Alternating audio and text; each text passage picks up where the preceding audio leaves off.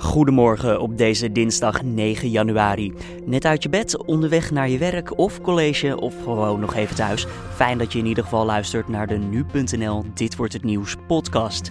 Mijn naam is Julian Dom en zo praten we over gesprekken tussen Noord- en Zuid-Korea. En we bellen ook eventjes deze ochtend met de ANWB over het leukste uitje van Nederland. Maar zoals altijd beginnen we kort en krachtig met het nieuws van afgelopen nacht.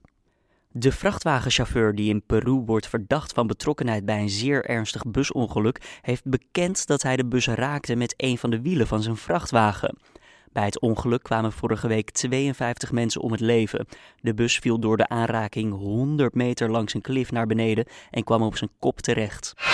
Van de Nederlanders die vorig jaar naar het buitenland reisden, hebben twee op de drie zich onvoldoende voorbereid. Dat blijkt uit onderzoek dat werd uitgevoerd in opdracht van het ministerie van Buitenlandse Zaken. De Nederlanders lieten zich bijvoorbeeld niet informeren over de veiligheidssituatie in het land, de benodigde reisdocumenten en vaccinaties of over de lokale gebruiken. De lijsttrekker van de PVV bij de komende gemeenteraadsverkiezingen in Utrecht, Henk van Deun, zou bij wijze van spreken liever zien dat de Ulu-moskee in de wijk Lombok zou afbranden dan dat het gebouw het symbool van Utrecht zou worden. Die uitspraak deed Van Deun tijdens een interview met de lokale zender Bingo FM. Toen de gespreksleider de lijsttrekker aansprak op zijn opmerking, nam Van Deun zijn woorden niet terug. Later via Twitter deed hij dat echter wel. Hij bood zijn excuses aan voor de in zijn ogen onhandige woordkeuze. Dan kijken we naar de nieuwsagenda van deze dinsdag 9 januari. Zuid-Korea is in gesprek met het Noorden. Het is voor het eerst in twee jaar tijd dat hoge vertegenwoordigers van de beide landen met elkaar in gesprek gaan. En de hele wereld kijkt ondertussen gespannen toe. Want wat wordt er besproken en wat betekent dit overleg voor de spanningen tussen beide landen? Collega Carné van der Brink belde daarover met Korea-deskundige Remco Breuker van de Universiteit Leiden. Hoe belangrijk is dit gesprek? Het is een belangrijk gesprek, maar misschien niet op de manier um, waarop het moment in het nieuws is. Hoezo? Het gaat niet zozeer om um, deelnemen aan de Olympische Spelen, um, al, zal, al zal daar wel over worden gepraat. Het gaat eigenlijk groot deel ook over hoe Zuid-Korea zich nu naar Noord-Korea gaat opstellen. En of de alliantie tussen de Verenigde Staten en Zuid-Korea toenadering tussen Noord- en Zuid-Korea gaat overleven. Nou, ze hebben al gezegd natuurlijk dat er over het feit, het, het kerntraject uh, van, uh, van, van, de, van, van Noord-Korea niet gesproken kan worden. Dat zal al gelijk een groot deel van het gesprek wegnemen. Ja, dat lijkt me een van de weinige dingen die echt de moeite van het bespreken waard zijn. Dus waar je het dan nog over kan hebben is inderdaad deelname van het noorden aan de Olympische Spelen. Mm -hmm. um, gezien het feit dat Noord-Korea zo laat aan de onderhandelingstafel is komen zitten, denk ik dat het eigenlijk uh, vaststaat dat uh, Zuid-Korea ergens zijn best zal moeten doen om Noord-Korea over te halen, al wil Noord-Korea graag meedoen. En dat betekent dat er waarschijnlijk zakken met geld worden uitgewisseld, uh, koffers met cash geld. Ja, waarom willen zij dat toch zo graag dat zij meedoen? Gewoon om meer te zien van de alliantie, samenwerking, samenbinding, ook van wat eigenlijk de winterspelen moet zijn? Heeft het daarmee te maken?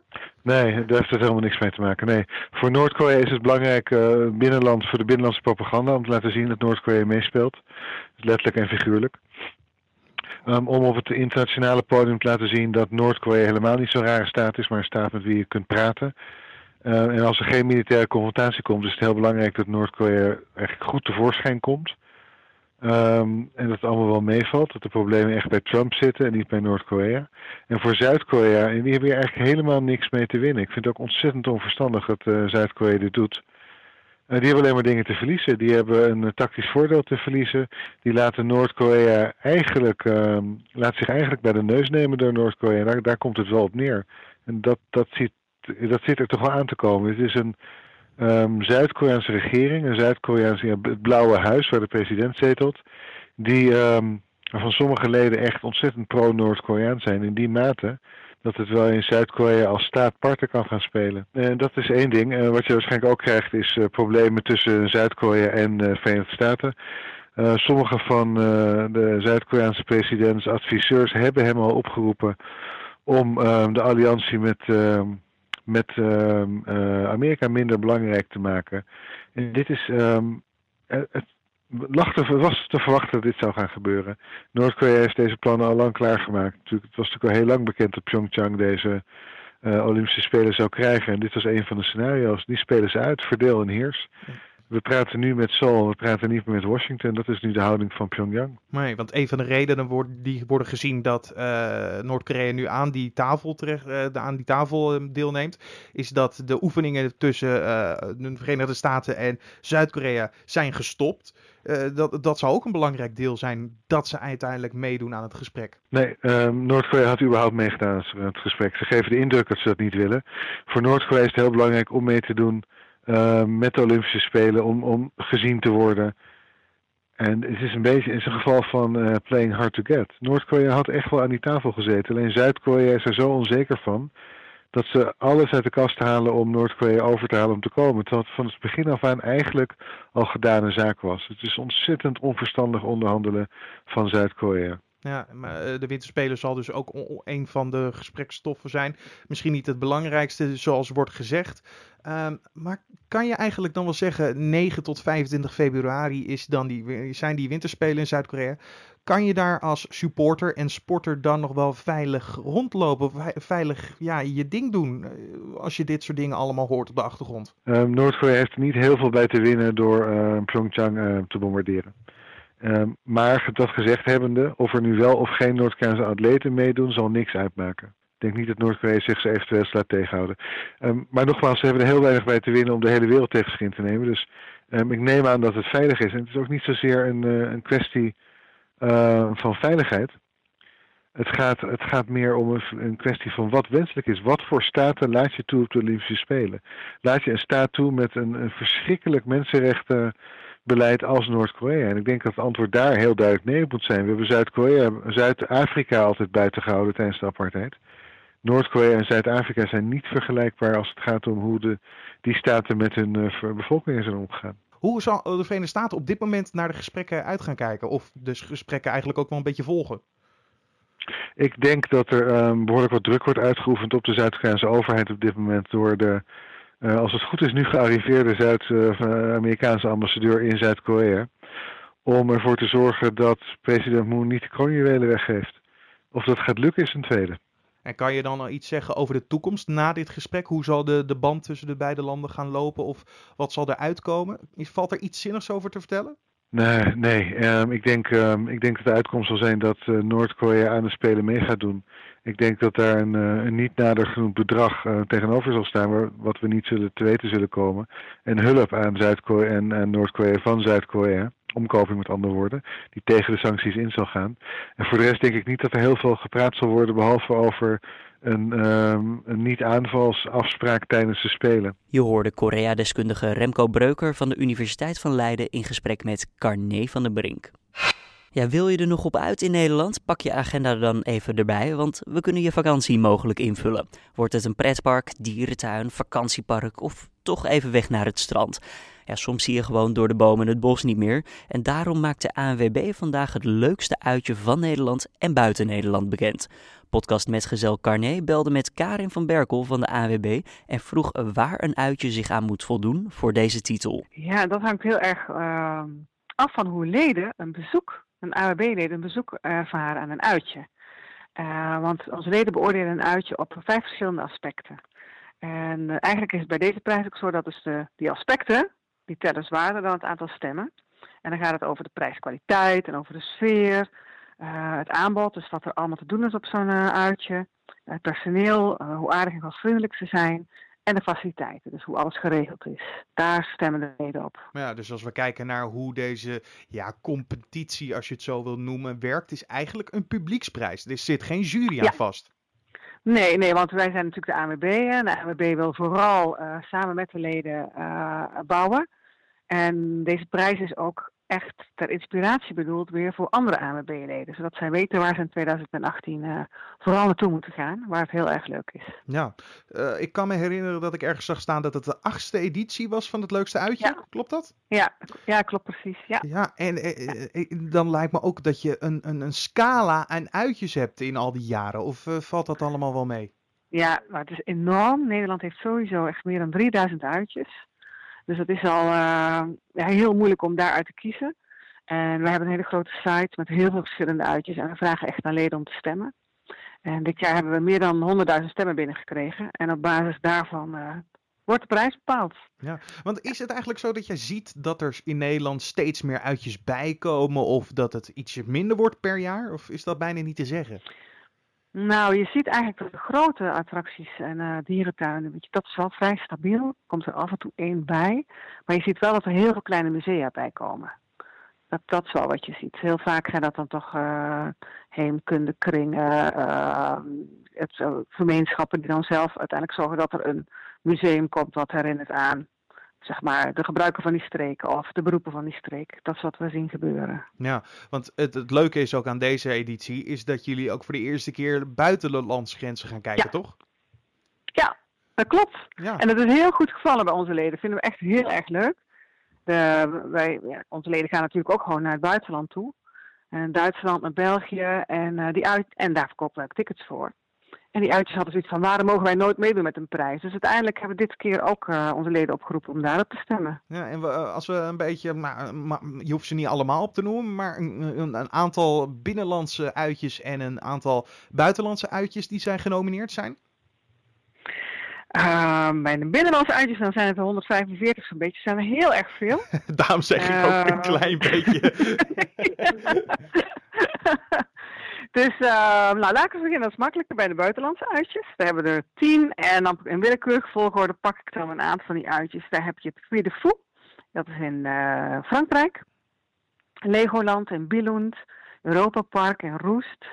Maar ook de Antwerpen Zoo in Antwerpen en Woenderland Kalkaars. Dat zijn allemaal uitjes die op die uh, lijst staan. Gaaf, gaaf. En wordt het nou ook echt als een, ja, dan moet je niet eh, verkeerd begrijpen hoor. Wordt het nou ook echt als een serieuze titel uh, uh, gezien door de uitjes zelf? Ja dat, is, ja, dat is in de loop der jaren wel zo gegroeid. Die uitjes vinden het, omdat, met name omdat het een publieksprijs is, uh, is het een waardering van het publiek. Die uitjes die werken daar een heel jaar lang heel hard voor. Die willen de gasten gewoon zo goed mogelijk uh, naar de zin maken. Dus als een kroning eigenlijk op hun werk. Maar het brengt ook weer extra publiciteit. Het brengt uh, nieuwe bezoekers naar zijn uitje toe. Dus wij zien dat ze het echt heel erg belangrijk vinden. Ja, noem mij een materialistische man hoor. Maar zitten er aan de 3, 2 of 1 plaats ook nog ja, prijzen? Kunnen ze echt iets winnen los van de titel? Nee, echt alleen de titel. Ja. Is al heel veel, toch? Is al heel veel. Ja. Ja, precies. Nou, dat is zeker veel, want dat is echt wel een opsteker. En vandaag zal op de vakantiebeurs het leukste uitje van binnen- en buitenland bekend worden gemaakt. Je hoorde Karim van Berkel van de ANWB. De directeur van een basisschool in Alphen aan de Rijn, Kali moet zich in de rechtbank in Den Haag verantwoorden voor ontucht met een 13-jarig meisje. Volgens het OM heeft hij seks met haar gehad in een hotel. De 32-jarige man ontkent echter alles. En zijn advocaat heeft al eerder laten weten dat de beschuldigingen zeer discutabel zijn. Het gaat vandaag om een zogeheten pro forma zitting. De zaak wordt nog niet inhoudelijk behandeld. En vandaag begint de sloop van de parkeergarage bij Eindhoven Airport. Het gebouw stortte afgelopen jaar in door een bouwfout. De vloeren van de parkeergarage voldeden niet aan de geldende norm en waren niet sterk genoeg. Bouwonderneming BAM zal het gebouw stapsgewijs ontmantelen en heeft daar circa drie maanden de tijd voor nodig.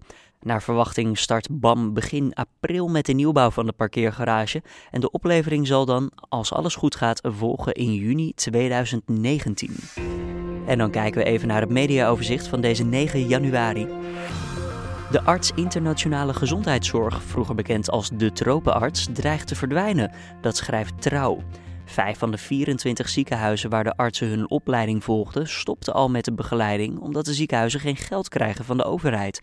Zonder financiering stoppen straks meer ziekenhuizen en is het voortbestaan van deze specialisatie in gevaar. Kinderrechtenorganisatie Terre des Homs gaat in Nederland een zogenoemde lokschildknaap inzetten op sekssites om mannen op te sporen die minderjarige jongens tot prostitutie dwingen. Vooral jongens van 14 of 15 jaar zijn gewild en worden vaak geronseld via het internet. Dat zegt onderzoeker Gideon van Aartsen van het project Watch Nederland in de Telegraaf. Om dit verschijnsel beter in kaart te brengen, heeft Terre des Homs iemand in dienst genomen die zelf jarenlang actief was als betaalde schandknaap. De consultant gaat helpen bij het opstellen en beheren van lokadvertenties en namaakprofielen op sekssites.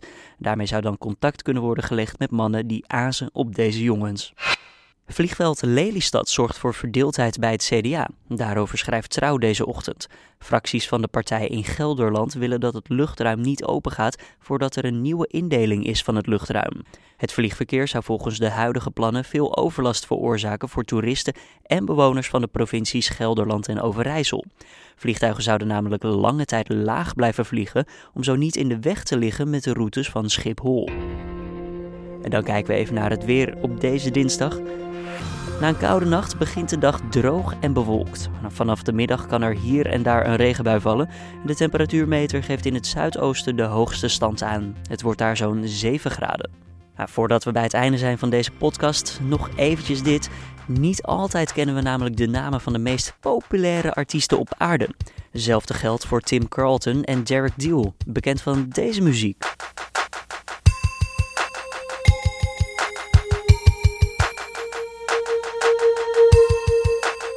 Dit is het nummer Opus Number One. Het wordt al twee decennia gebruikt als wachtmuziek als je een helpdesk belt. Dat schrijft de Volkskrant. Netwerkproducent Cisco, bekend van vooral zakelijke telefoons, heeft het nummer namelijk als standaardnummertje ingesteld als wachtmuziek. En dan hebben we het over 65 miljoen telefoons. Mocht je vandaag nog wat tijd over hebben, bedenk dan even goed wat je ermee doet. Want jaarlijks staan we volgens de krant namelijk zo'n 13 uur telefonisch in de wacht. En om nou 13 uur naar de Opus nummer 1 te luisteren? Dit was dan de Dit wordt het nieuws podcast van deze dinsdag 9 januari. De Dit wordt het nieuws podcast is elke maandag tot en met vrijdag te vinden op nu.nl om 6 uur ochtends. En mocht je een opmerking hebben over deze podcast, laat het ons dan weten via redactie nu.nl.